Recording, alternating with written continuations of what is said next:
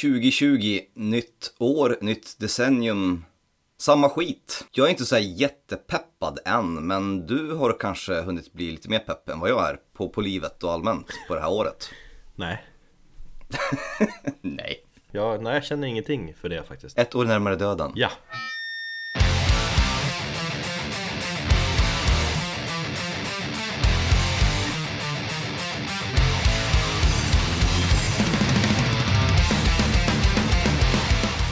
Hej! Du lyssnar på avsnitt 109 av Metalpodden Första i år här då Som sagt första för detta nya årtiondet Och... Eh, oj, jag fick en jävla luft Ovanlig luft. Jag vet inte, jag försöker prata och andas samtidigt Eh, Ja, Vad är detta? Det är luft.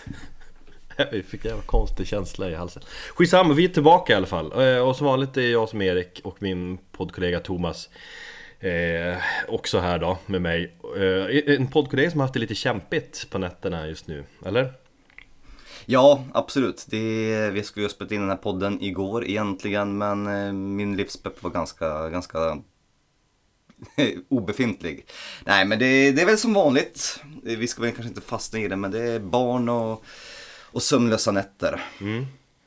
Det är jobbigaste var nog faktiskt, jag var ju i Stockholm igår och det var när jag åkte hem och eh, på E18 satt i bilen där, hade satt på farthållaren, lyssnade på Catatonia, Fall of Hearts och så bara insåg jag att jag har inget minne av vad jag har gjort de senaste 20 minuterna.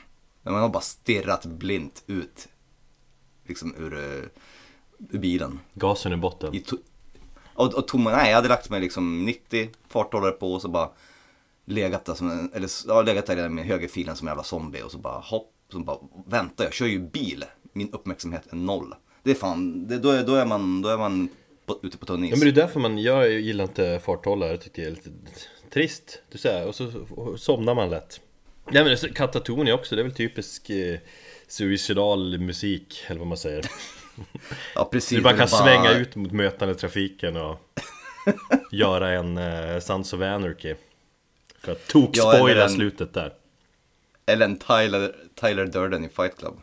Eh, Och bara låta ratten, Ja just det, ja, den är härlig Men då ska man ju överleva också ja. precis. Nej men det är bara Det är bara att bryta ihop och komma igen Som Per Elofsson sa, eller hur?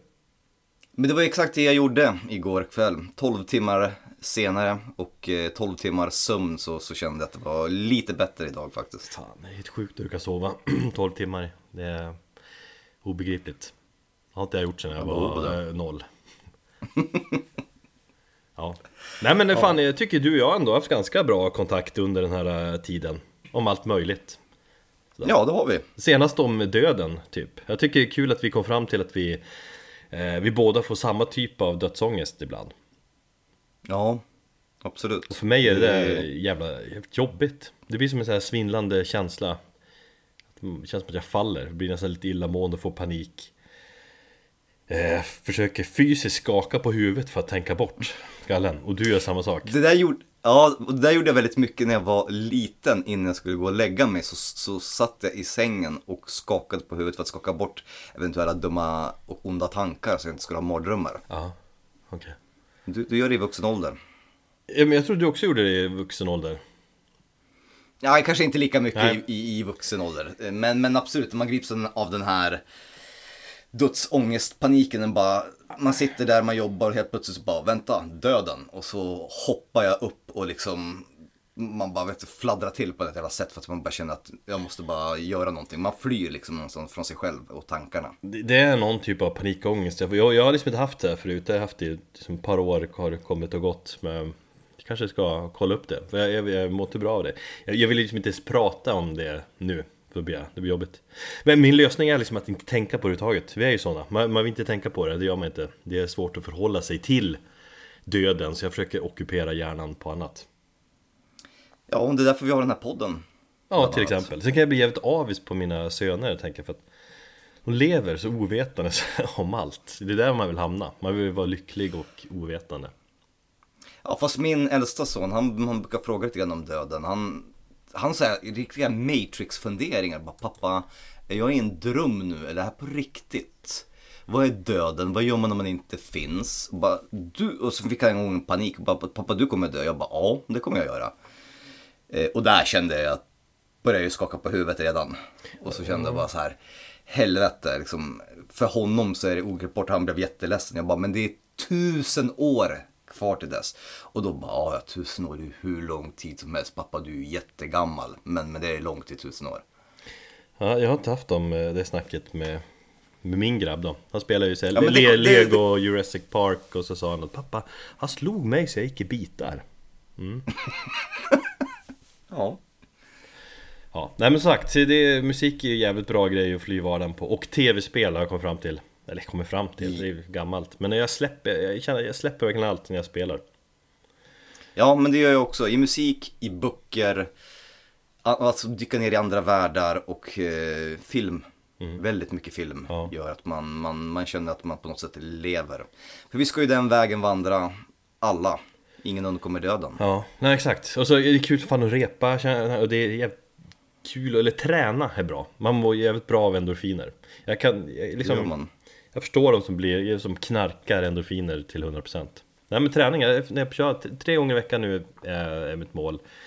Eh, hur svårt är det då att ställa mig frågan, men det är fan svårt när man har heltidsjobb och man har ungar som tar all din uppmärksamhet och när de Ja, när de somnar så är man ju i regel helt förstörd. Och så vill man ju planera den här podden ibland och så vill man se serier och så vill man ju också bara titta på en vägg ibland. Det är svårt det där. Någon som inte undkom döden, eller någon som eh, eh, mötte döden alldeles för tidigt, det var ju Black Breaths basist. Vem har undkommit döden? Ja, vi, än så länge då.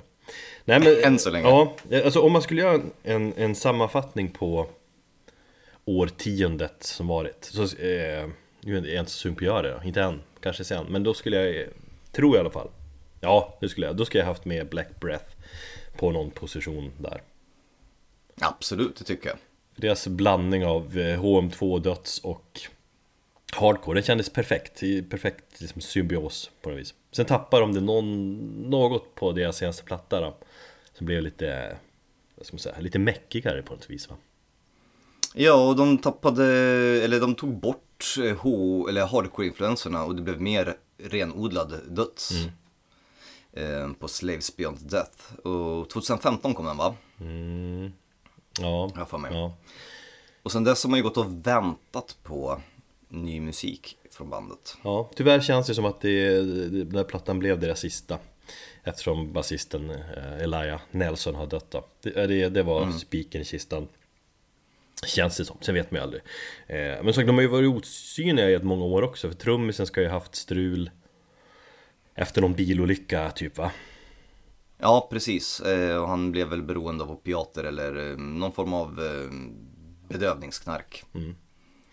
Eh, efter det. Så de hade ju strul där. Och så dog basisten här i slutet av 2019 va?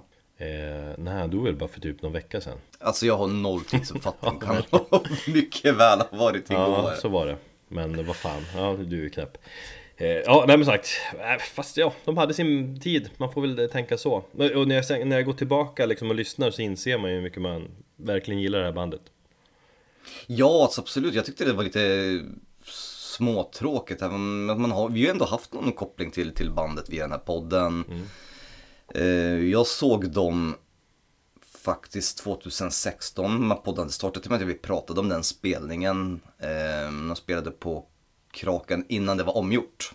Så det måste ha varit typ sommaren 2016. eh, En spelning som jag inte var på och jag fick ju aldrig se bandet live, vilket suger Ja, det kan jag förstå. Och det var fan en bedrift att missa dem för de kom ju hit ja, typ så tre, fyra gånger inom ett par år Men eh, ja, ibland skiter det sig Ibland skiter sig ja. Eh, världens fulaste band, som de själva benämnde sig. Ja, jag tycker fan de är jävligt snygga men... Ja, men eh, fortfarande Slas Sasa klev upp på scen, så här, rakt upp och ner jeans och t-shirt. Och han då, basisten Elijah, var ju en, eh, en karaktär. Han var ju en basist som tog plats på scenen. Jag är glad att jag fick se den. Det var, det var en bra spelning. Jag kommer inte ihåg exakt vad, jag- vad, jag sa när vi pratade om det här i podden, men, men kanske lite dåligt ljud på den tiden tror jag. De hade väl då- dåligt PA Kraken då, det var ganska nystartat. Men det var en bra spelning från bandet och det var kul att se dem och det är som sagt, de är ganska sköna dudes på scen. Ja. De var, fuck it. Jag fick aldrig se dem. De var. Suger. Eh, jag tycker vi lyssnar lite grann på Black Breath nu och så minns vi hur bra de var.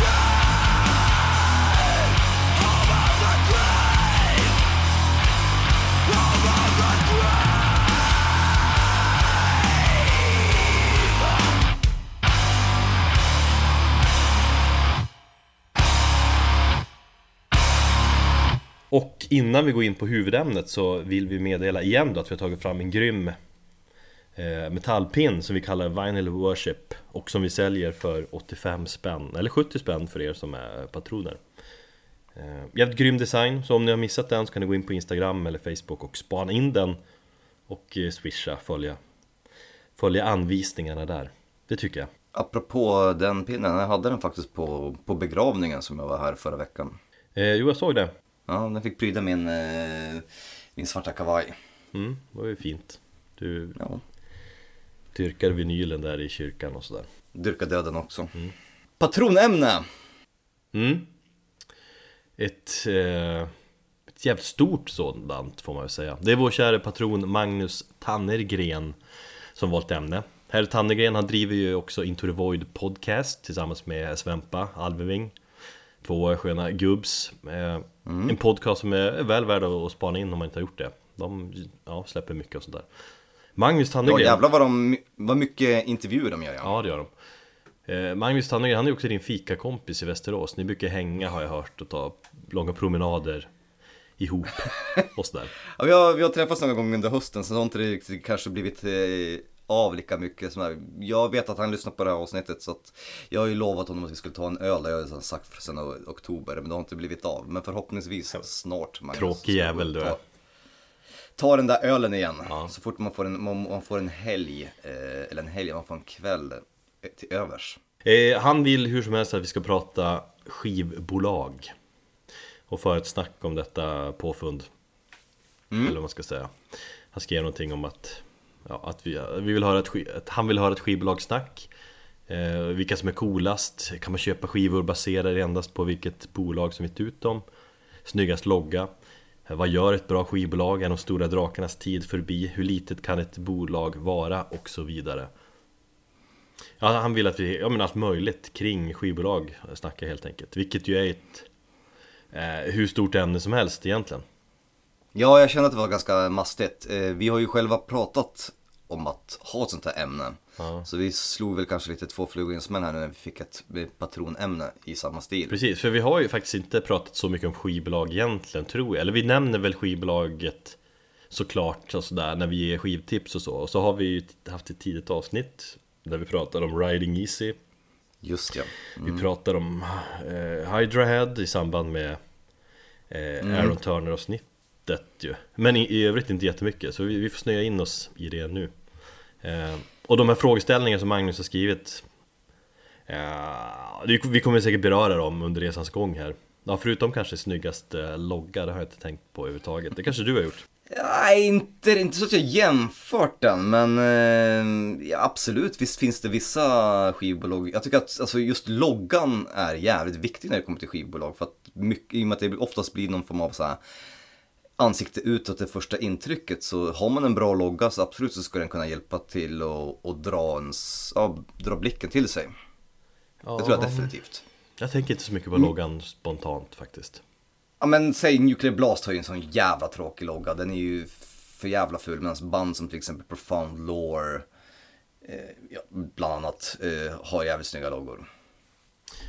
Ja, men för mig spelar det faktiskt ingen roll Jag är ganska obrydd, som sagt Ja okej, ja, men det är väl kanske bara något som jag som tycker, nej sen absolut, det spelar väl kanske inte en större roll när man sen kollar på vad, vad som finns i skivbolagets stall. Men, men det finns en annan fråga som jag ville ta upp, eller någon som jag ville fråga dig. Jag skulle vilja använda den här teorin som du själv applicerar på band, att ett band är egentligen bara viktiga eller vitala de första tio åren. Och sen så, så, så här kommer de aldrig vara lika stora som de var då. Det kan man ju applicera på skivbolag mer idag, eller om vi säger så här från den andra, eller från den här sidan 2000-talet än man kunde göra tidigare. De stora drakarnas jätte, eller de stora drakarna är liksom, deras tid är ju inte förbi helt tycker jag. Men då de kanske hade någon mer domin, dominant position på, ja, 70, 80, 90-talet så tycker jag att nu är det egentligen desto roligare med, med independent label. Det är mycket lättare att starta ett litet bolag. Än vad det var förut och liksom kunna livnära sig som en liten, liten liksom bara businessman. Fast nu pratar du en annan sak, nu pratar jag att, att skivindustrin har, har förändrats så pass mycket Inte att ett skivbolag i sig eh, spelar ut sin roll efter tio år Nej, men det jag ville komma till var att eh, du har ju kanske fortfarande liksom ett band, eller liksom säg ett skivbolag som Roadrunner, de, de existerar ju fortfarande även om deras kanske största artister som de hade, de var kanske som störst under 90-talet. Den tiden är förbi. Jag trodde faktiskt ett tag att Roadrunner var borta, att de inte existerade längre när jag sen insåg att vad fan, Slipknot ligger fortfarande på dem. Ja Nickelback och det finns en hel del band, men jag trodde typ efter Opeth där... Gojira eh, finns väl Ghost- på Roadrunner Ja, du ser. Så att de är ju inte helt borta, men alla nya labels som har, som har kommit de senaste 15 åren. Eh, och finns det ju jättemånga heta lablar som jag tycker oftast, deras, så de brinner kortare. Jag tycker att liksom ett, ett skivbolag är ungefär kanske jävligt intressant de första fem åren. Sen så fejdar de ut lite grann. Jag, jag kan bara ta som ett exempel, tycker att Riding Easy är ju inte lika intressanta idag som när de var i början av den här poddens historia när vi gjorde ett avsnitt om dem. mm, Det håller jag med om de, har för de har ju dels tappat Monolord och de har tappat kanske många av stora banden. Själva Doom-scenen har kanske också urvattnats eller den har funnits nu ett tag så den kanske inte är lika intressant. Och de har börjat liksom signa lite andra band med ett annat sound. Ja, men det kanske han känner att det är det som är nödvändigt att göra så att det inte blir bara samma sak Absolut, vi kanske kommer till det lite längre fram, men, men jag tror att band som har en, en spe, specifik inriktning, om man väljer att eh, inrikta sig på en, på en genre eller nischa sig väldigt tidigt, kommer märka att efter några år så kommer det vara svårt att hålla sig fortfarande aktiv. Eller aktiv kan man ju vara, men att hålla sig kanske i folks radar efter fem år och därför måste man börja bredda sig. För jag tycker många, många, många skivbolag, även de gamla jättarna, var nischade i början och sen så ju längre tiden gick så var de tvungna att bredda sig. Dels på grund av att skiv, skivindustrin eh, ja, den gick igenom som förändring. Men dels också att folk som ledsnade kanske på den nischen just då för just den trenden som man lyssnade på oavsett om det var fan vet jag, sleaze eller om det var um, Stockholms studs, den, liksom, den blev inte lika trendig. Nej, men så är det ju Så att jag tycker att det jag ville komma till det, alltså jag tycker att skivbolags glöd eller man säga, livslängd är ganska kort i alla fall som ett väldigt vitalt skivbolag. Mm. Jag känner, tänker annars på ämnet här, det känns väl ändå som, som det du har mest koll på. Du är ju som distributionskillen som eh, kommunicerar med skivbolag dagligen och mejlar runt och känner, har en massa kontakter, har en inblick hur det funkar. Mm. Alla elva regler, vilka avtal som finns. Det där känns ju som en djungel. Jag har inte alls samma koll, men jag tänker att det, det är bra. Du får berätta om hur det är där i, i verkligheten. Den största Det är svinig grej... industri, eller hur? Det är en svinig industri, absolut. Det gäller att liksom slå sig fram och man, man trampar varandra på tårna och man... Det handlar om att liksom äga rättigheterna. Och ju mer du äger desto, desto bättre liksom. Det är ganska svinigt. Jag kan nästan...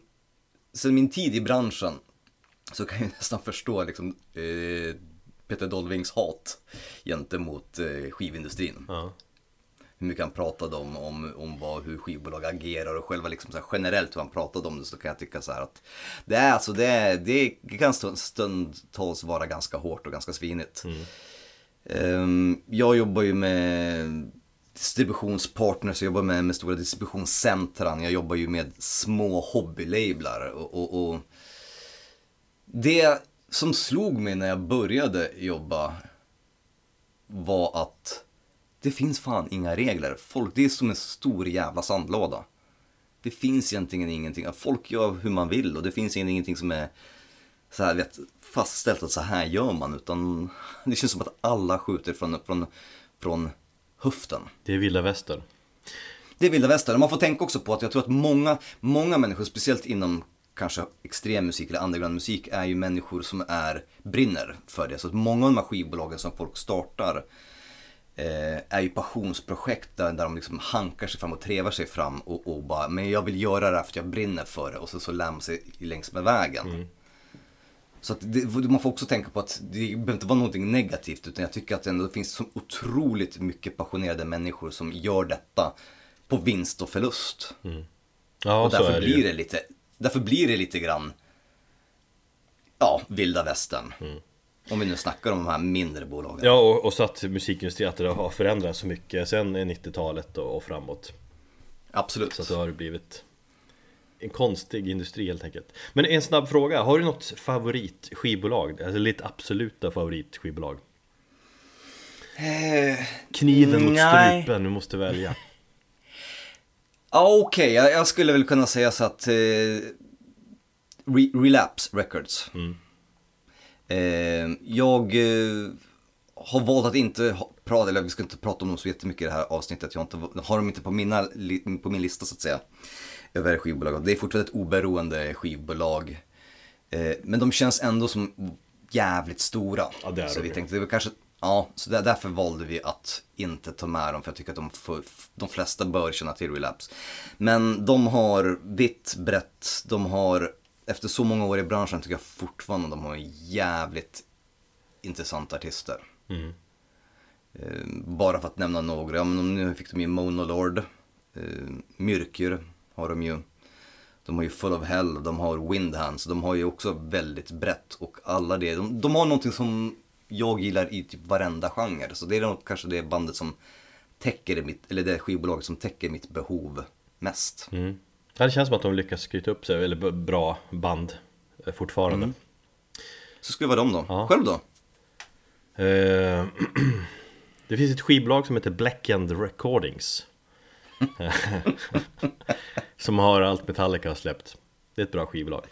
Metallicas ja. egna. Nej, jag vet inte. Alltså, jag gillar ju att variera vad jag lyssnar på och det blir också att man, man varierar skivbolag. Historiskt sett finns det ju en del klassiska Visst, jag kan hålla med om Relapse, men Roadrunner tänker jag ju på när man var yngre så var ju Roadrunner king. Ja, ni, ja det, det var ju det skivbolaget som man, man gick till slutet av 90-talet där. Ja. Nej men annars varierar det där ju. En annan sak jag tänkte på, det är att det finns ju många som menar att, att eh, skivbolag har spelat ut sin roll på många sätt. Men fan behöver skivbolag? Man jag kan göra allt själv. Eh, och slippa skivbolag som inte bryr sig, bara ta pengarna och så vidare. Varför ska man ha mm. skivbolag? Vad gör de eh, för nytta egentligen? Det frågar ju sig många. Jag tycker att både ja och nej skulle jag säga på den frågan. Jag tycker att skivbolag fortfarande behövs. För jag tror att det finns människor som kanske sitter på en expertis eh, och har i alla fall större skivbolag. Vad man säger om skivbolag, att eh, man kan vara hur punkig som helst och tycka att det är bara eh, en, en, en, en mellanhand som snor åt sig pengar att man får eh, oschyssta kontrakt. Men det finns så många olika kontrakt som det finns skivbolag liksom, så att allt handlar om att man, man vet vad man skriver på. DIY man sen motherfucker. Ja, men alltså jag kan ju förstå, alltså, som sagt jag jobbar ju med, med, med, med skivbolag och jobbar med artister som väljer att, att släppa helt independent utan skivbolag liksom. Self-released. Och, och båda har ju, vissa bara, men vi vill ha all kontroll. Vi, vi, vi vill sköta det här helt själva, alla pengar kommer till oss eller, och liksom inga mellanhänder eller kapa så mycket mellanhänder som möjligt. Och då vet man att det här gör de kanske inte för att bli stora eller för att leva på det, de gör det här. Och det finns någon form av artistisk integritet i det. Men sagt, det handlar ju mycket om vilket avtal man skriver och så. Men jag tycker att, alltså, att ta skivbolag, det handlar väl handlar väl mycket om att inte vara ensam, att ha någon som backar upp en, att ge eh, att ge ut någonting själv, det ser inte lika bra ut. Det ser ju mer seriöst ut om man ligger på ett skivbolag.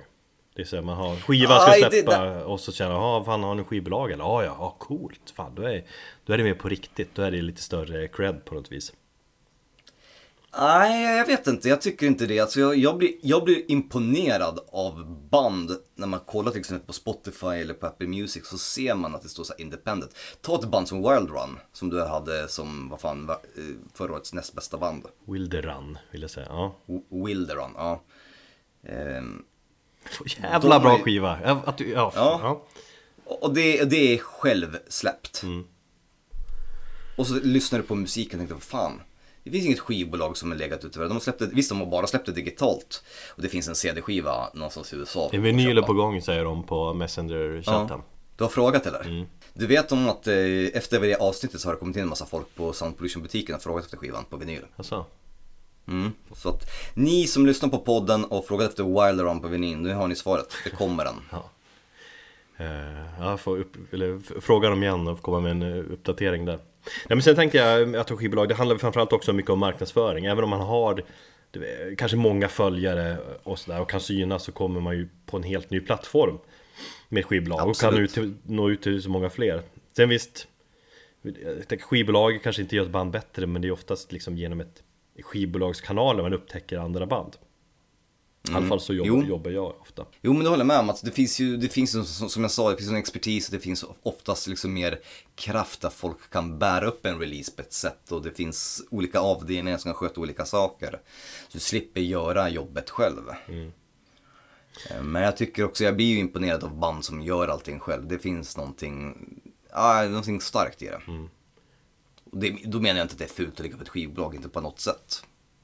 Ja. Men det där och liksom också rykten om att skivbolag Som du var inne på att det, skivbolag kan vara riktiga jävla svin Det finns ju ett aktuellt fall nu med bandet eh, Dragged Into Sunlight eh, Och skivbolaget Just det. Prothetic Rec- Records eh, Den bandet menar att skivbolaget har ju eh, Hux flux valt att släppa plattan nu utan att meddela bandet och att bandet inte kommer att få ett öre eh, Det låter ju inte som att de har skrivit på det bästa avtalet där en, en gång i tiden Nej, men det finns jätte, alltså det, i hela skiv, skivbranschen och är ju full av historier långt bak i tiden om, om så här klassiska historier om hur, hur folk har blivit blåsta. Eh, finns väl något så här, eh, vet du, ett stort skivbolag som eh, fokuserar på Psycho Stoner. Jag pratade med Mark om det, nu minns jag inte namnet på dem. Eh, som också börjat blåsa sina artister helt plötsligt.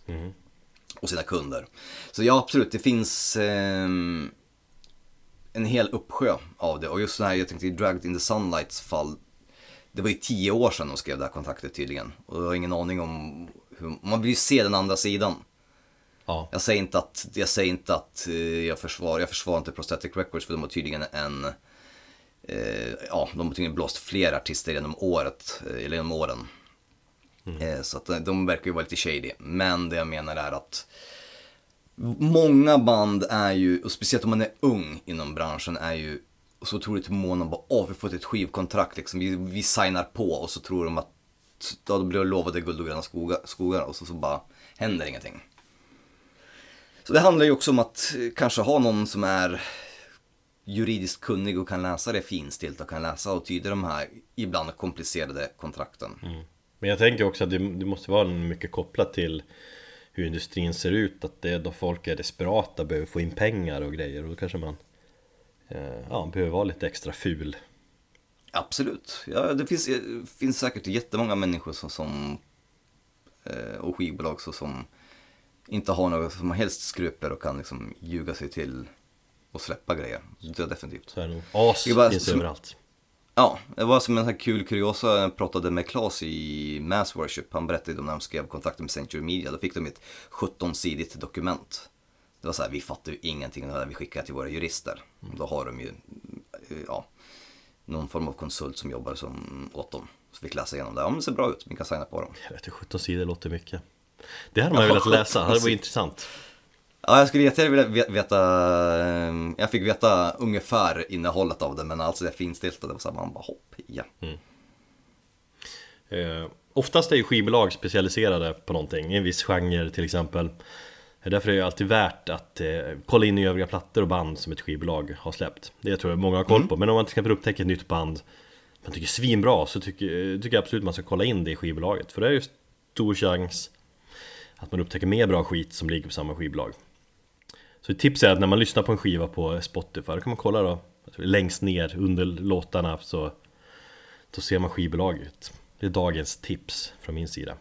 Om man inte, bruk, om man inte brukar jobba så. Sen som sagt, vi ska inte nämna Eller vi ska inte gå in på djupet på de här största skivbolagen eh, Som är jävligt stora Eller som, som märks väldigt mycket. Vi kan väl ta några exempel här, Earache och Metablade, Century Media Media eh, Nuclear Blast som du nämnde, Relapse, Roadrunner eh, Earache är ju ett bolag som till exempel har, de är fortfarande aktiva, de var ju väldigt stora under tidigt 90-tal, släppte väl mycket, om både Entombed, ja vad de har släppt, de har ju släppt mycket av de här, eh, eh, Florida-dödsen, amerikanska dödsen och svenska dödsen under tidigt 90-tal. Och det är ett bolag som Jag tänker en tom direkt när jag läser det till Ja, ja absolut. Um, du har ju Napalm Death på, på, har ju släppt via dem också. Bolt Thrower har släppt några skivor där också. Eller släppte. Ehm, men de känns som de idag har de så här fokuserat, de kör lite country, de kör pop, de har kört lite rap också. Så det här känns som ett bolag som på något sätt bara fortfarande trevar i att försöka hitta och överleva någonstans. Det känns som här, typ, ett bolag som vägrar att dö. För att de har bara branchat ut sig så pass mycket och blivit ett, ett skal av, av sitt forna jag. Och istället så, så här, de, de livnär sig på, på, på att fortsätta liksom släppa 20 pressen av en, av en skiva som äger rättigheterna på som, som kom för 20 år sedan. Sen har de ett, kanske ett grundmål att hitta den här nya tuffa dödsen Men de har blivit gamla också, de orkar liksom inte riktigt ha det intresset och gräva och hålla på Så att ah, de måste liksom bild, eller bredda sig på annat sätt. Ja, ja visst var det, just det så. Jag minns väldigt tydligt när de försökte hoppa på när den här själva Doom-vågen med, Sleep och, och Monolord var som störst. I, i, när, när- Monolord egentligen kom, med sin debutplatta, då kom det ett band som heter Green Druid. Eh, som Eric signade. Jag tror det är det enda bolag, eller enda bandet som de har på sin, i sitt stall som är så här do, eh, Sleep, Doomstoner liksom. Och där, där känner man hur tydligt det var att de bara försökte hoppa på någonting som var the next big thing. Ja, just det. Ja, det är så man måste Så försöka hemskt. Göra Så händer ingenting. Nej. Men visst, de här största banden eh, och många av de här bästa banden finns ju på de, de här stora skivbolagen som vi har nämnt. Vet, De kanske har släppt något själv en gång i tiden, sen släppte de någon skiva på något mindre bolag och blev stora. Som Monolord till exempel eh, Och så sen upptäcker de, de stora hajarna liksom att eh, Fan, de här måste vi ha. Och ger bandet ett liksom Ett offer they can't refuse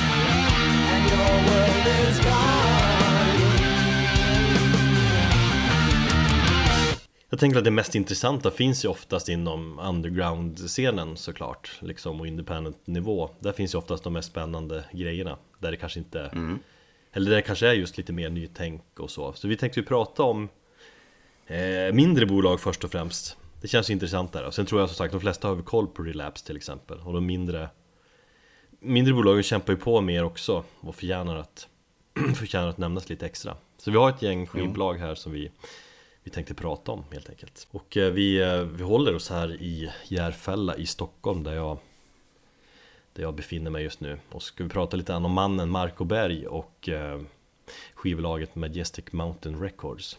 Som vi i och för sig har nämnt någon gång tidigare tror jag. Men Det har vi. det har vi gjort. Men skivbolagen... Du har gjort en tävling med dem för fan. Ja. ja det var förra årtiondet någon gång. Ja, lätt att skylla på det. Ja, det är det. Eh, Men skivbolagen, de förtjänar verkligen nämnas. Eh, Dels så är Marco en vän till oss.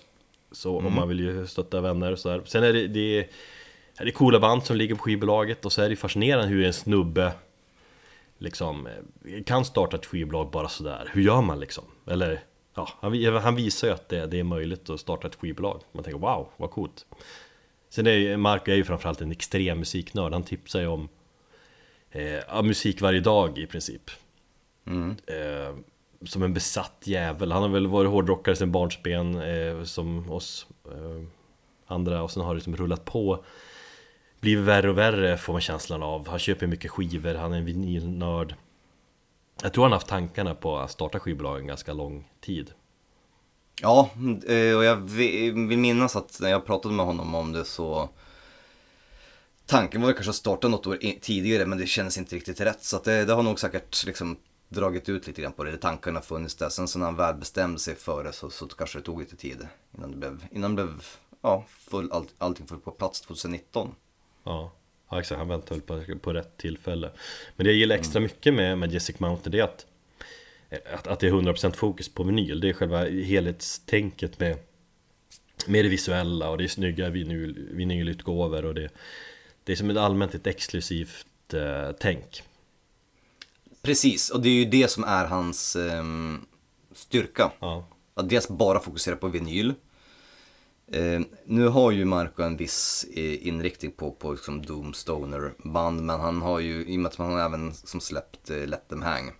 ja. Eller är grundtanken är, länge- väl liksom genremässigt att det lutar mot eh, Doom och Stoner och Psych-hållet där men att eh,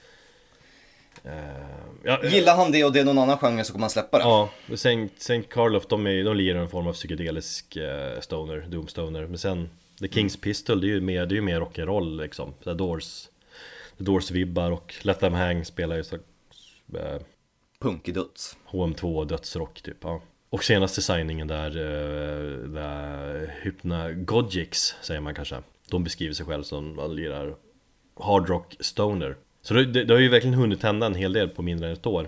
Eller väldigt, Precis. Ja. Eh, och för att fira det här då Det här första året så arrangerar ju Majestic Mountain en labelfest Där fyra band spelar, varav tre ligger på skivbolaget. Vad jag vet. Eh, Så är det, ja.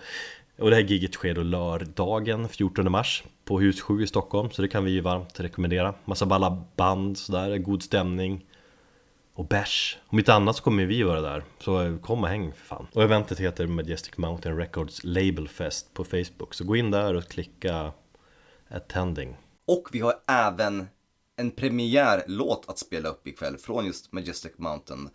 Eh, och det är just The Hypnagogics med låten Eyes Without a Face.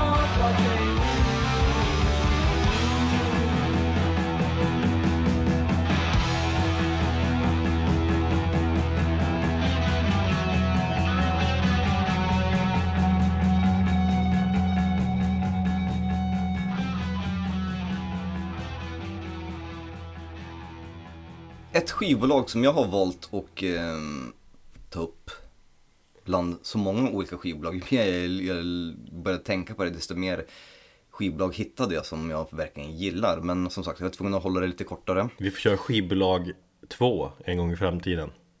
Ja, precis. Blues Funeral är ett relativt eh, nybildat eh, skivbolag och ett eh, bolag som jag jobbar med. De är ju kanske mest kända i den här podden och för många i Sverige kanske för att de har släppt just Domkraft. Eh, även Besvärjelsen bland många band. Eh, jag tror de har funnits nu i snart två år. Eh, 2018 bildades, sent 2018 bildades av Jad Schickler. Och de, eh, och han då, eh, har sitt skivbolag baserat i Albuquerque. Och han är egentligen ena hälften av Magnetic Eye Records. Magnetic Eye Records var en, eh, ett skivbolag som var ganska vitalt i att etablera mycket av den här Desert Rock-scenen i, i slutet av 90-talet. Jed Schickler var i alla fall, han gick och startade sitt eget av Blues Funeral. Och fokuserar väl också egentligen bara på vinyler, ungefär så, så som Marco gör. Ehm, de har även CD-skivor och digitalt då, men det är just det, det vinylen som är det sto, sto, stora grejen med, med, eh, med labeln. Släpper inte band, eller släpper inte så mycket, vilket också så här känns som att det borrar för väldigt mycket kvalitet.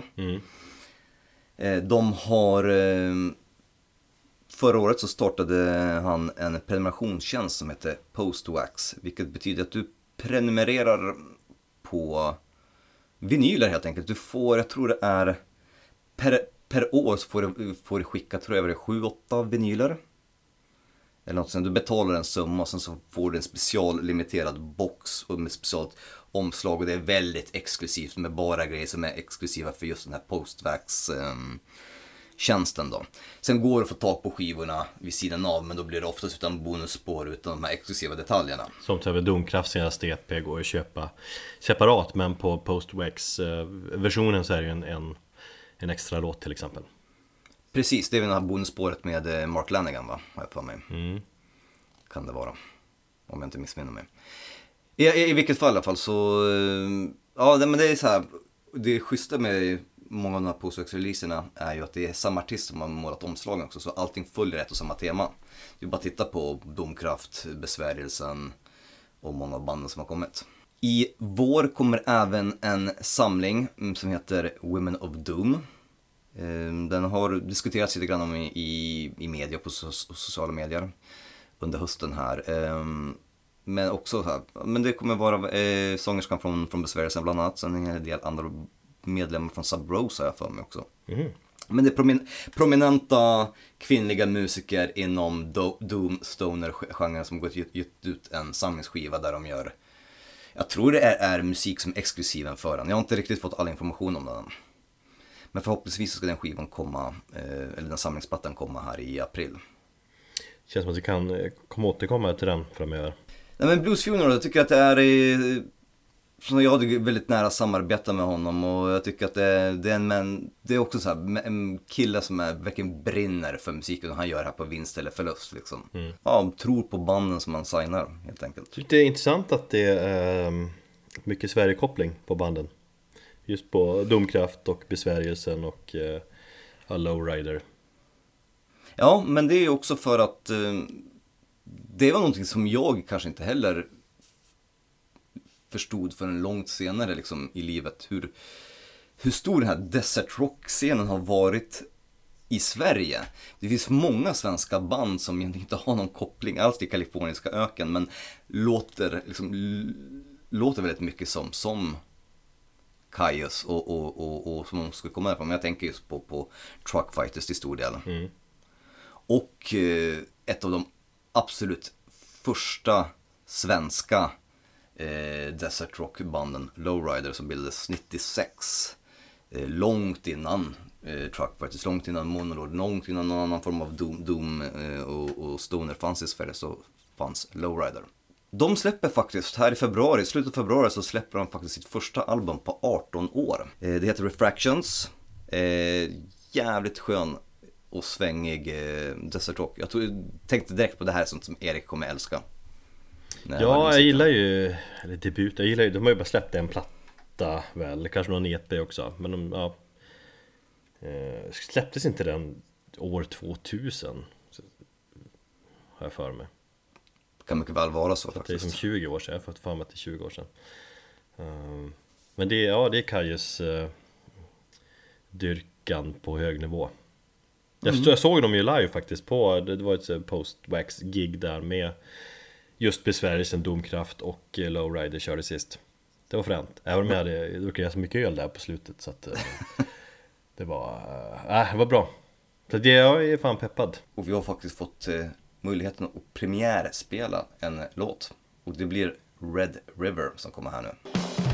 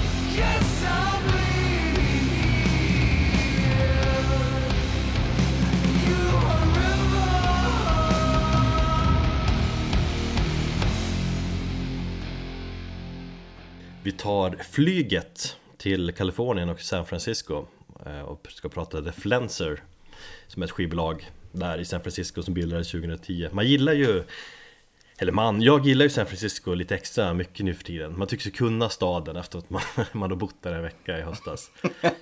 Och du är så jävla världsvan och för San Francisco-bo nu ja. Ja, det är ju. San Francisco for life. Uh, The Flenser de beskriver väl sig som eh, Dark Experimental Label. Eh, Och det gillar man ju, man gillar ju mörk musik, man gillar experimentell musik. Och på många sätt är det också eh, På det sättet man skulle kunna beskriva festivalen Roadburn, i alla fall som den ser ut idag. Det finns ju också en tydlig koppling då mellan The Flenser och Roadburn i år faktiskt. The Flenser som skivbolag, de firar 10 år. Och Roadburn-folket har därför bjudit in fem band som ligger på The Flenser för att spela då. Mm. På årets festival de banden också, de är, de är ganska speciella. De är väldigt typiska för The Flenser eh, Som har många band som är väldigt svårdefinierade Som eh, Mamalik Eller hur fan man nu säger eh, Som är någon form av det är någon form av black metal i grunden kanske Men när man lyssnar på bandet så är det väldigt mycket elektroniskt också Det är jazzigt och det är Mellanöstern-melodier. Det är inte helt lätt att sätta liksom en genre på. Det, liksom, Jag gillar ju det, det är bara skönt att bara, ah, men det här är ju någon avantgarde-genre liksom. Mm. För det är så jävla mycket snack i genren, jag vill bara skriva här bara Lyssna på det här, vad är det då? Nej, det vet, du får ju fan upptäcka själv vad det är för någonting. Du gillar ju bara att säga ordet avantgarde. Men Avantgarde tror man säger också. Någon, någon, någon gång ska vi lära oss säga Många säger Ja. avantgarde men jag säger avantgarde säger jag Lite franskt, fast jag har aldrig läst franska, jag kan inte ett ord Eh, Men, men om man börjar gräva då i The Flancers band och eh, skivor, ska, man ska gå in med Fan, öppna ögon, vad säger man? Eh, Ett öppet sinne. Öppet sinne. Man ska vara redo för allt. Och verkligen se musiken som ett konstprojekt. De flesta banden på skivbolaget, de är ju från San Francisco, eller dess liksom närhet. Bay Area-området typ. Och några av de mest kända är väl Death Heaven. Eh, som jag tror att de flesta har hört talas om. De har ju blivit ganska priser. Ligger de på The Flenser alltså? Va? Mm. Ligger de på The Flenser? Det visste jag inte. Eh, kanske inte längre, men de har gjort det. De, de har ju blivit ganska priser för sin typ av eh, post-black. Plattan Sun... Jävla skitband. Nej, jag tycker den där rosa plattan, vad fan heter den? Sunbather. Sunbather, var bra skit. Cirkusmusik. Du ska kolla in så här liveklipp, de spelar typ själva i någon, någon typ av teater. eh. Det är, det är fint. Mm. Bandet Panopticon, då kör de någon form av eh, bluegrass, black eller något sånt. De är väl också... Fan vad jag vill gilla Panopticon mer än vad jag. Än vad jag, vad jag gör. Ja, fan, jag, ja, jag gillar dem, halvgillar dem, men jag, förstår, jag förstår vad du menar eh, Men det är väl två av de kändaste Men det är ett grymt, grymt spännande skivbolag jag tror det är, man vill ha lite udda grejer Jag har lyssnat en hel del på bandet nu eh, den här tiden, fastnat eh, lite extra för ett band som heter All Your Sisters, de spelar eh, Dark Wave Eh, Street Sect som spelar, eh, ja de håller till industrigenren, alltså industri, inte industrimetal utan ja, men det går jag igång på. Han sjunger jävligt likt eh, Marilyn Manson. All right. Så att de är väldigt, ja, brett. Uh, ja, coolt, varje band är liksom spännande. Det finns mycket kvar där att upptäcka för mig också. Men jag tycker vi lyssnar lite grann på Elisabeth Color Wheel som släppte sin debut eh, förra året. Väldigt fascinerande platta, har du hört den? Känner inte till någonting om dem. Nej. Eh, De spelar någon form av, eller de sägs spela någon form av showpunk slash doom. Mm. Ehm, Men jag fascineras av att plattan erbjuder allt från liksom doom, till postpunk och grindcore och noise och väldigt så lugna, vackra partier. Så det är liksom Det är tungt, vackert och eh, helt galet samtidigt. Och live verkar de väldigt sevärd också. Så det ska bli kul att se dem på Roadburn. Om man inte nu hänger vid hotellfönstret och vaskar bandet för att man tycker att det är godare att dricka Haze bärs Vilket är fullt möjligt det också, men eh, jag har som mål att kunna se dem Ja. Så vi lyssnar på låten Hide Behind Emmet Song med bandet Elizabeth Color Wheel från Som ligger på skivbolaget The Flenser.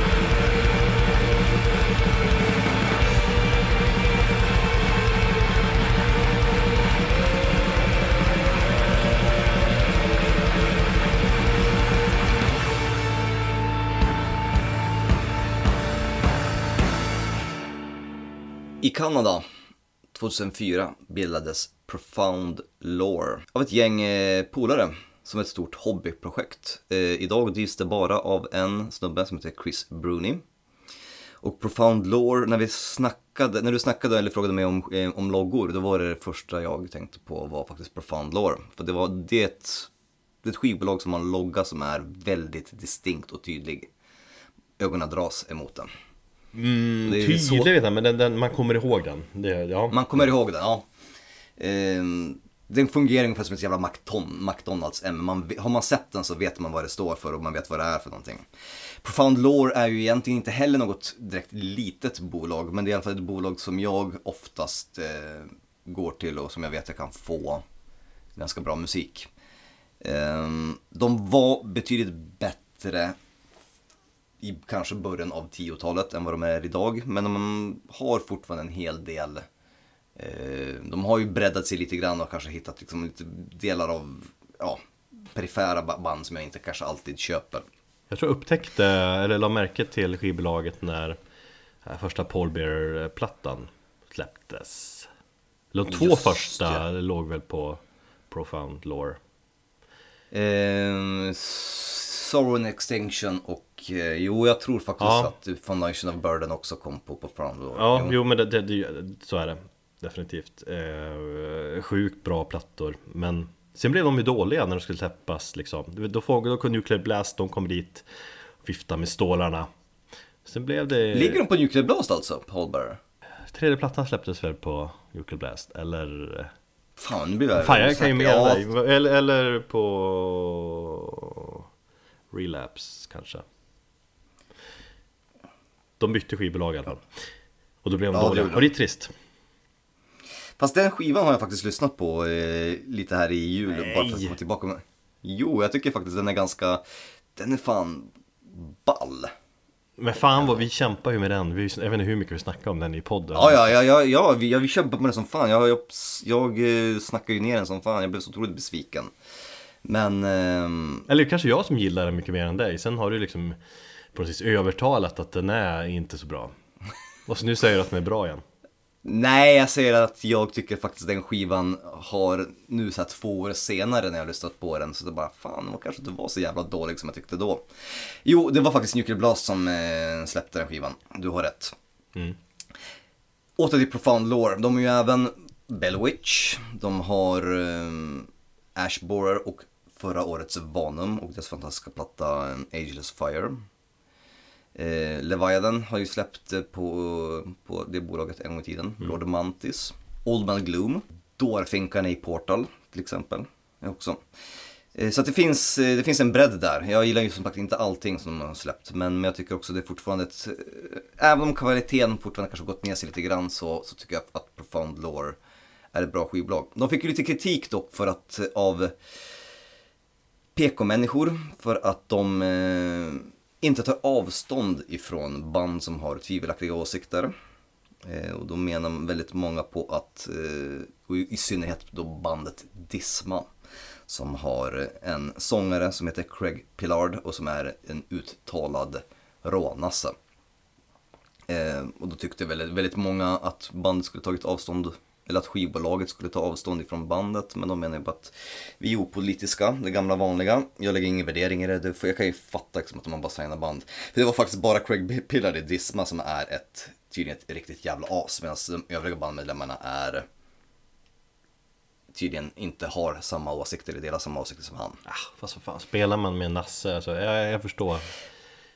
Ja, alltså jag, jag förstår ju också, det, det, det är helt idiotiskt. De, har ju, de släppte ju en skiva 2012 som ses som en modern klassiker inom dödsmetall. Och den har ju blivit så jä- jävla upphausad den skivan. Jag vet att det är jättemånga människor som snackar om att de tycker musiken är helt fantastisk. Man kan inte lyssna på plattan på grund just av Craig Pillard och hans åsikter.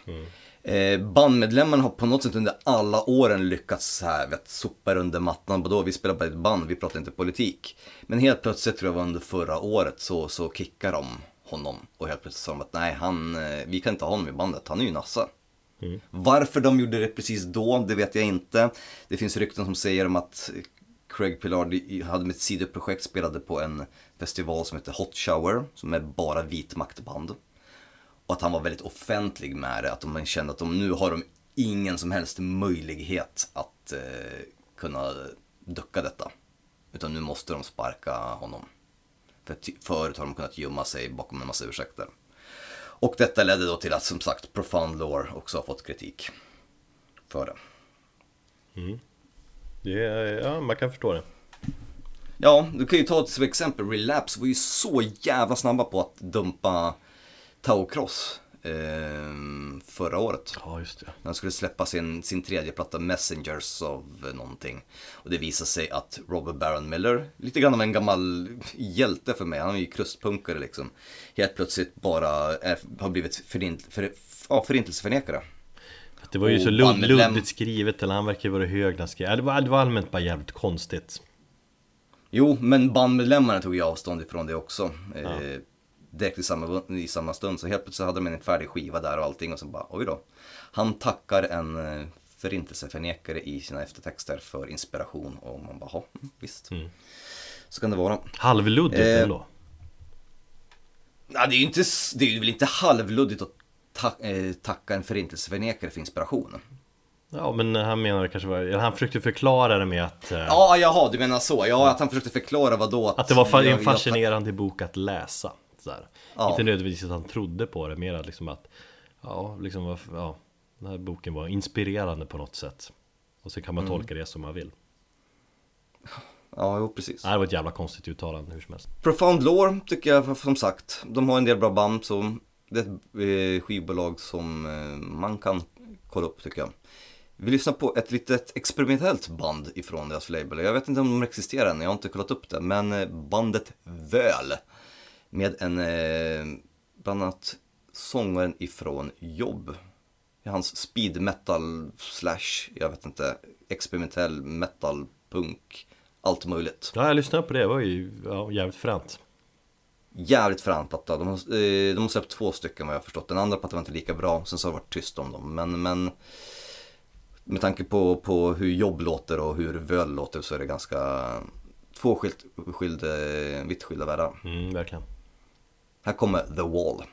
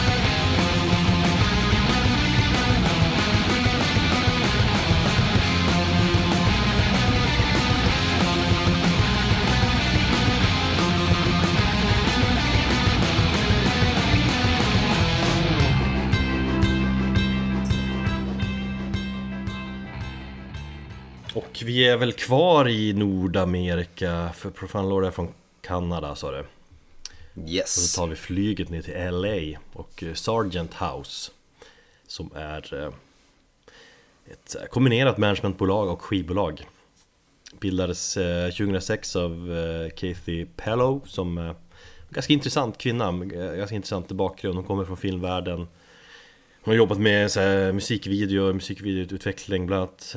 Jobbar då med Refuse Video New Noise som många sett. Mm.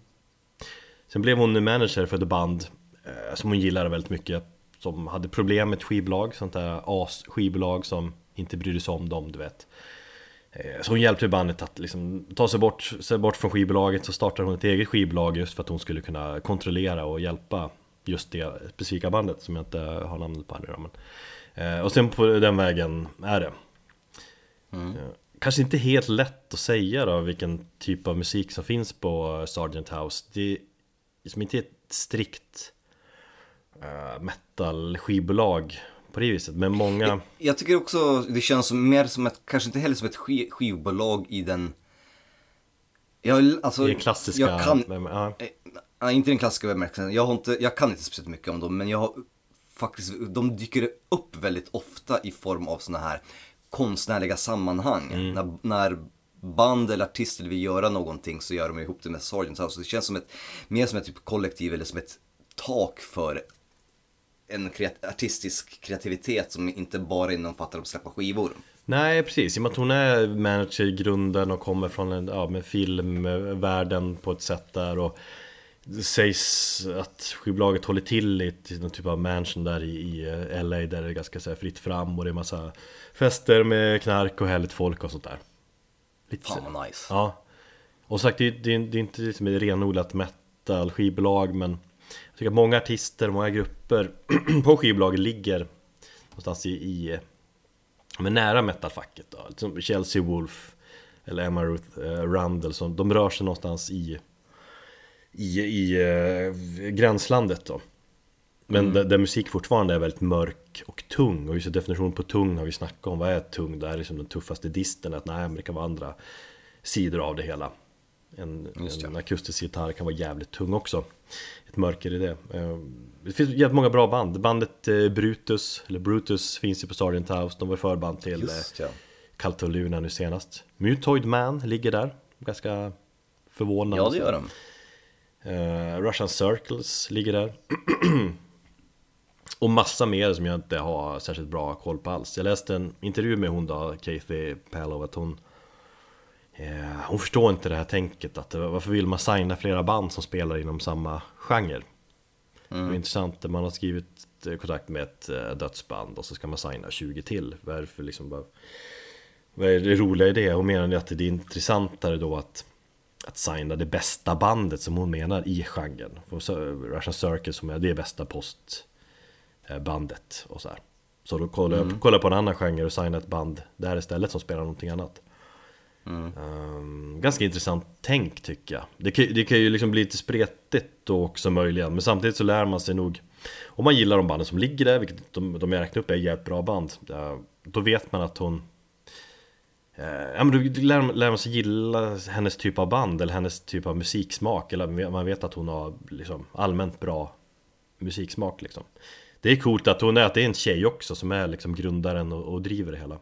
Och det jag har lyssnat på när man kollar på hennes eh, artister som ligger på skivbolag Det är, ja, jävligt bra grejer.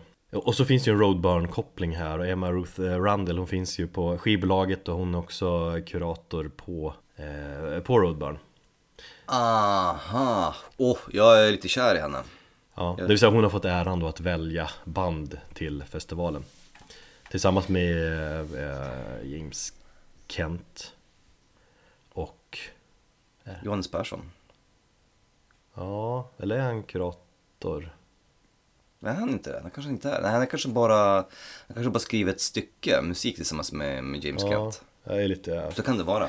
Så kanske det är Det är du som har studerat Roadburn, jag har inte kommit dit än Jag kommer dit Eller lite grann har jag gjort Jag har ju sagt, jag upptäckte när jag pratar skivbolaget för att det finns ju fan Roadburn-kopplingar Lite överallt Ja men för fan, Emma Ruth Rundle alltså, hon är ju helt Ja fantastisk. det, är- det den, är senaste, faktiskt den senaste skivan har jag legat här och somnat in till den senaste veckan.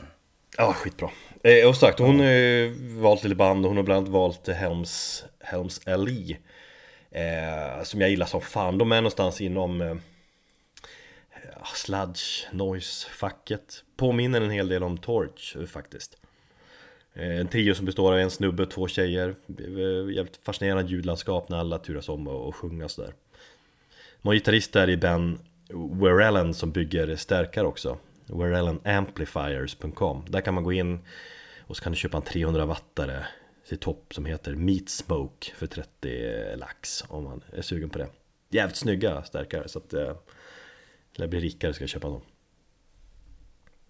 Eh, och de släppte faktiskt en platta förra året som är jävligt bra och eh, spontant känns det som, jag missade den, men det känns som att den lätt har let, letats upp på min topp 20. Eh, men vi ska lyssna på introspåret eh, från Helms Lees platta Sleepwalking Sailors som eh, var första plattan som släpptes på Sargent House 2014. Och den eh, platta som jag upptäckte bandet med.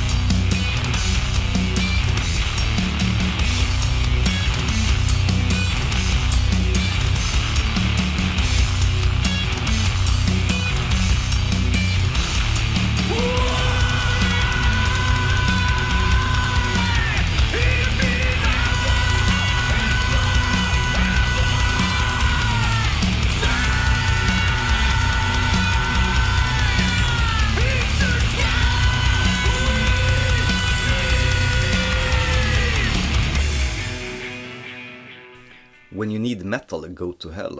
Det är Hells Headbangers eh, slogan.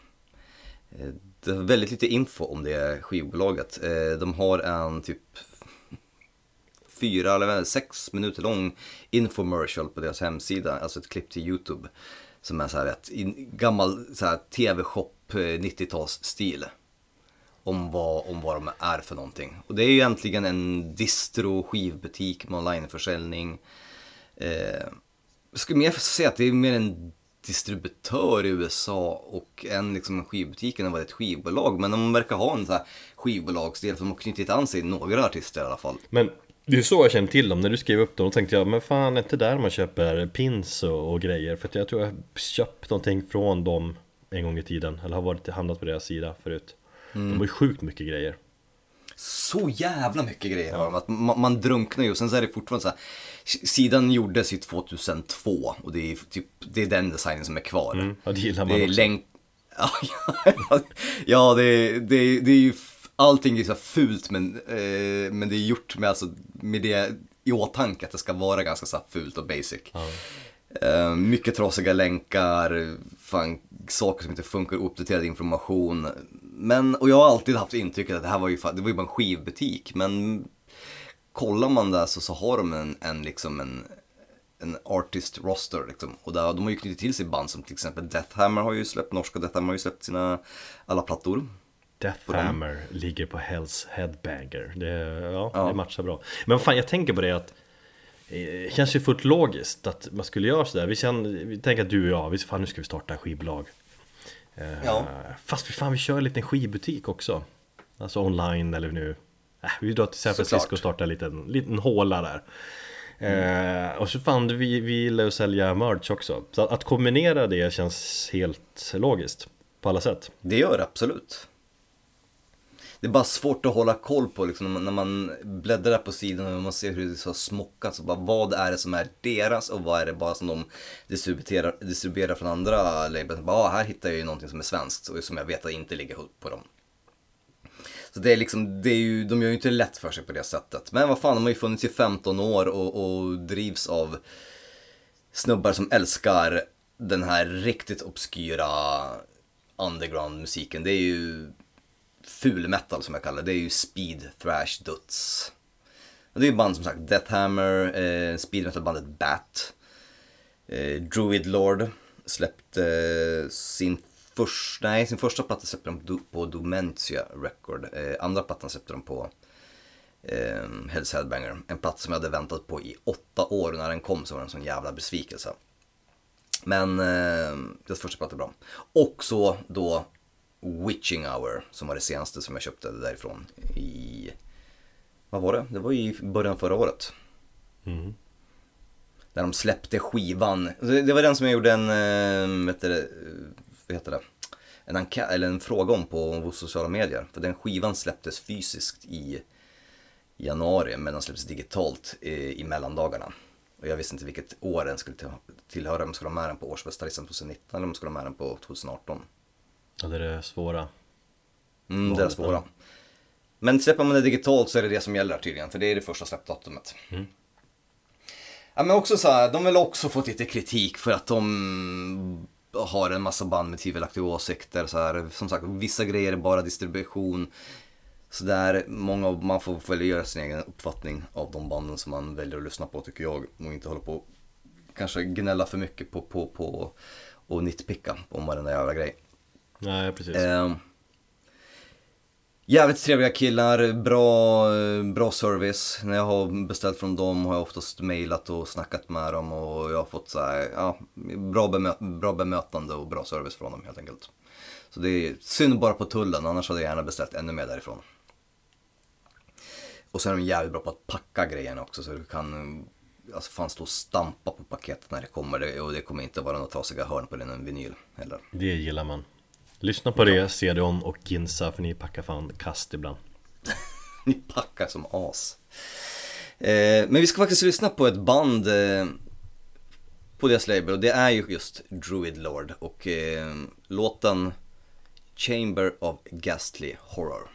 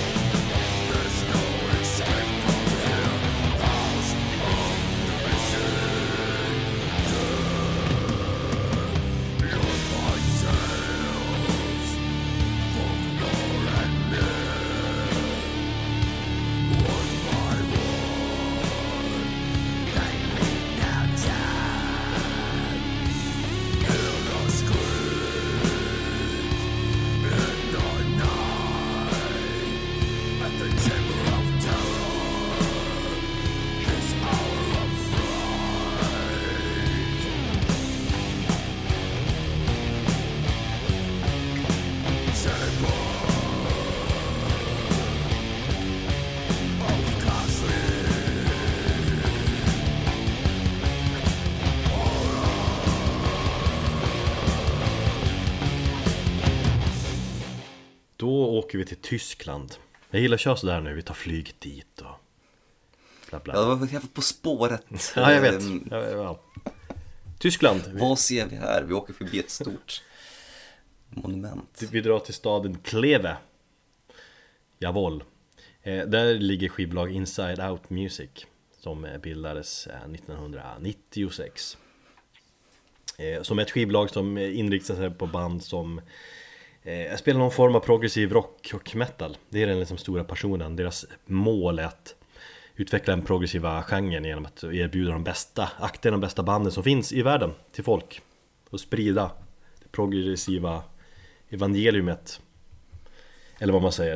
Det finns väldigt mycket som jag, jag inte hört. Eh, jag fick faktiskt upp ögonen för skivbolaget på grund av Leprous, norska Leprous som jag gillar så jävla mycket. Så att, då har jag kollat upp lite aktivt på skivbolaget på grund av detta. Som man gör, man, man Just hör det. ett bra band som kanske känns lite unikt sådär. Det här, fan, det här vill jag ha mer av. Eller jag vill ha någonting ja, liknande. Så kollar man skivbolaget och så finns det jävligt mycket grejer där. Sen hittade jag någonting som heter Prog Awards. Har du varit på det? Så- Nej, det har inte. som går av stapeln varje år. Eh, Där liksom årets bästa progressiva rock och metal hyllas och du vet, får nomineringar och vinner. Klassisk eh, gala sådär. Som ja, verkar vara rätt stort, men det är så här som man kanske inte har koll på. Men jag kollade några år bakåt och upptäckte att just Inside Out Musics Inside Out Musics band ligger oftast med där på nomineringar och sånt. Mm. Så att det är väl ett erkänt bra skivbolag om man är inne på den där skiten. Eh, och ett band som jag faktiskt eh, har upptäckt då genom att eh, alltså, kolla vad som finns på skivbolaget eh, efter att jag såg Leprous fanns där i Haken, eller Heiken säger man väl då. Ett brittiskt band som har funnits i cirka 10 år. Släppt eh, fem skivor, senaste plattan Vector 2018 gillar jag som fan. Ganska teknisk eh, prog metal. Eh, och elektroniska grejer och snygga melodier. Påminner en hel del om Leprous faktiskt. Och det är väl därför jag gillar dem så mycket också. Band som du har lyssnat på? Nej. Nej, inte alls. Så att jag tycker gå in lite i proggen här ett tag. Prog metal. Och jag lyssnar på låten Puzzle Box från den plattan med Heiken som ligger på eh, skivbolaget Inside Out Music.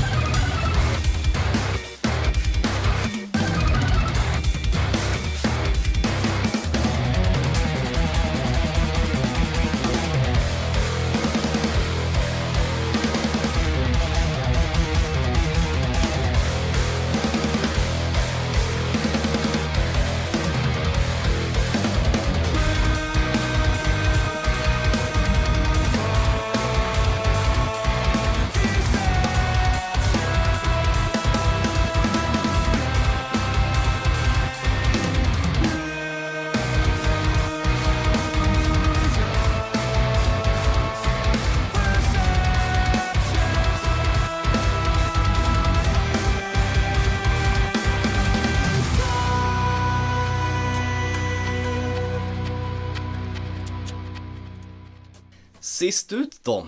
Eh, 20 Bucks Spin. Ett skivbolag som har funnits fan längre än vad jag trodde. Eh, men det är väl kanske just de senaste två åren så har det verkligen hypats för att det har varit, eh, ja, de har haft så otroligt många bra releaser. Eh, och det är väl du, eh, eller vi är båda eniga om, eller hur? Ja. Bland annat så eh, släppte ju de eh, förra året ett gäng plattor med eh, mycket av den här nya vågen av dödsband. Eh, de har ju bland annat eh, band som Tomb Mold som är ett jävla hypat dödsband alla snackar om det. Reddit fylls av, av det bandet och, och överallt så snackar de om Tomb Mold ska vara ett sånt, ja, som en sån här frälsen av döds. Jag fattar inte riktigt vad som är grejen med dem. Um, Visst, det kan vara bra, men jag tycker att deras sångare är ganska så klen. Eh, De har ett band som är, heter Spirit Adrift, som består eh, till stora delar av folk från Gatekeeper. Och du frågade väl mig här om, eh, om Spirit Adrift nyligen va? Gjorde du inte det? Jo. Eller hur? ja, jag tycker de är ascoola, du gillar dem inte? Nej, jag har fortfarande inte, jag har ju lyssnat för lite på det, men jag har inte fastnat i musik. Jag tycker det är för, för spretigt. Eh, Det är massa Nightfell. Metallica i dem. Ja, kanske. Ja.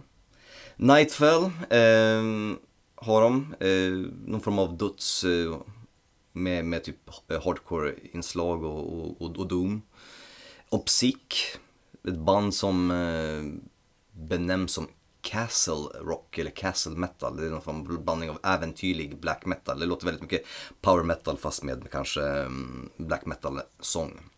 Och kanske i mina ögon det mest intressanta bandet på labeln är ju Vastum. De släppte ju sin platta Orificial Purge förra året som hade en plats 16 jag får med på min årsbästa lista. Autoerotisk döds. Fan, Chemis finns ju på bolaget också. Det gör de faktiskt, ja just ja. Om de nu fortfarande ligger kvar. De ska väl släppa här i en tredje eller fjärde platta nu snart, har jag för mig. Un, I år, tror jag. Vad Men jag fan vet- de, de släppte måste- väl en skiva förra året? Fan den är... Nej, 2018 tror jag.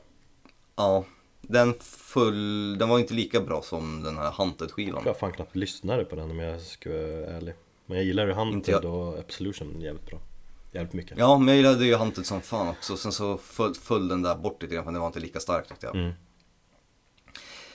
Eh, Curiosa, 20 bucks spin. Det skivbolagsnamnet är eh, döpt efter, eller taget efter en eh, låt med bandet Pentagram.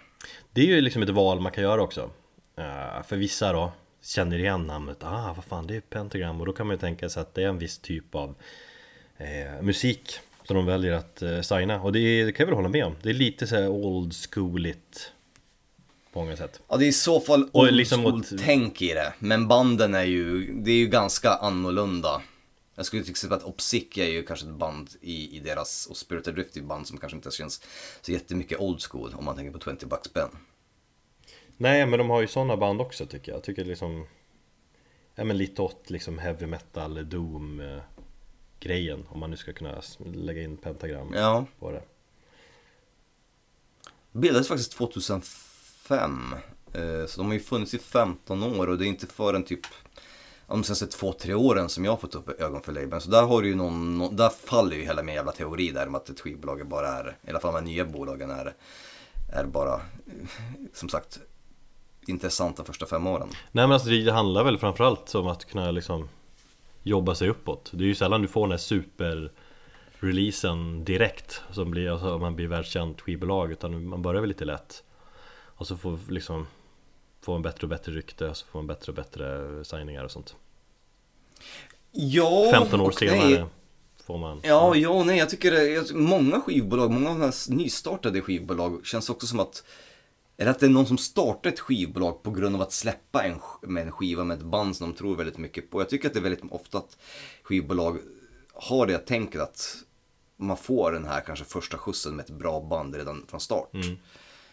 Ja men sen ska man kunna fortsätta det också Där tänker jag att det är många Ja, som absolut. dör av Och men, men det är ju som till exempel eh, artister som lyckas hålla sig vitala längre än 10 år. Det finns ju de som lyckas eh, ja, men återupptäcka sig själva på något sätt. Men ta ett band som Opeth till exempel. Hur kul hade det varit om du han hade fortsatt att göra liksom någonting i stil med eh, Blackwater Park 2020? Så jag tycker att Opeth lyckades ju på något sätt. De hade sin period med Duts. Och sen så har de sin period med, med, med, med, med nu prog och jazz och så. Och de har ju på något sätt blivit ännu större nu tycker jag än vad de var tidigare. Så det är ju ett band som lyckats hålla sig vitala i, i, i 20 år och nästan 30 år. Och som skivbolag tycker jag också att man någonstans kanske hittar den där, man hittar någon sån här, någon, någon för att lägga på liksom en extra kol på elden.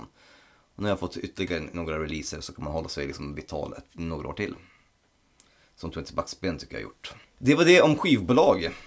Det finns en hel del som vi valt att inte ta med, som vi är tvungna på grund av tidsbrist att eh, inte ta upp. Jag vill ju jättegärna prata om både eh, Dark Descent, som du var lite förvånad över att jag tog bort i sista sekund. För de tänkte jag prata om först Jag tänkte att man skulle, de ville jag prata om Och så sen hade du skrivit upp dem Och Blues Funeral hade jag också tänkt prata om Men då hade du också hunnit före För att du planerar avsnittet två veckor innan jag ens tänker på det typ. Ja.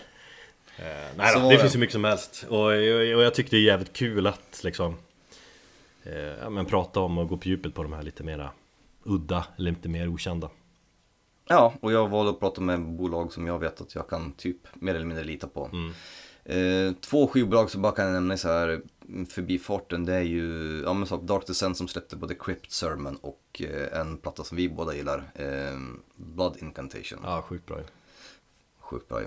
Och sen så Van Records från Tyskland. Ansvariga för släppt mycket av de här isländska black metal-banden. De har ju bland annat Sinmara, du har Svarte Daudis första skiva.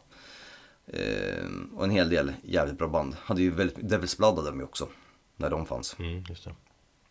Ja, Så det finns mycket och Det finns mycket ja. På många sätt är det intressant att kolla på skivbolagen, liksom bara enstaka band Så till Mm. sist då så vill vi gärna att ni Kära lyssnare får, får tipsa om era favoritskivbolag Eller skivbolag man borde kolla upp och sånt där Kommentera så att vi vet, så kan vi kolla upp det. Jakt på ny musik.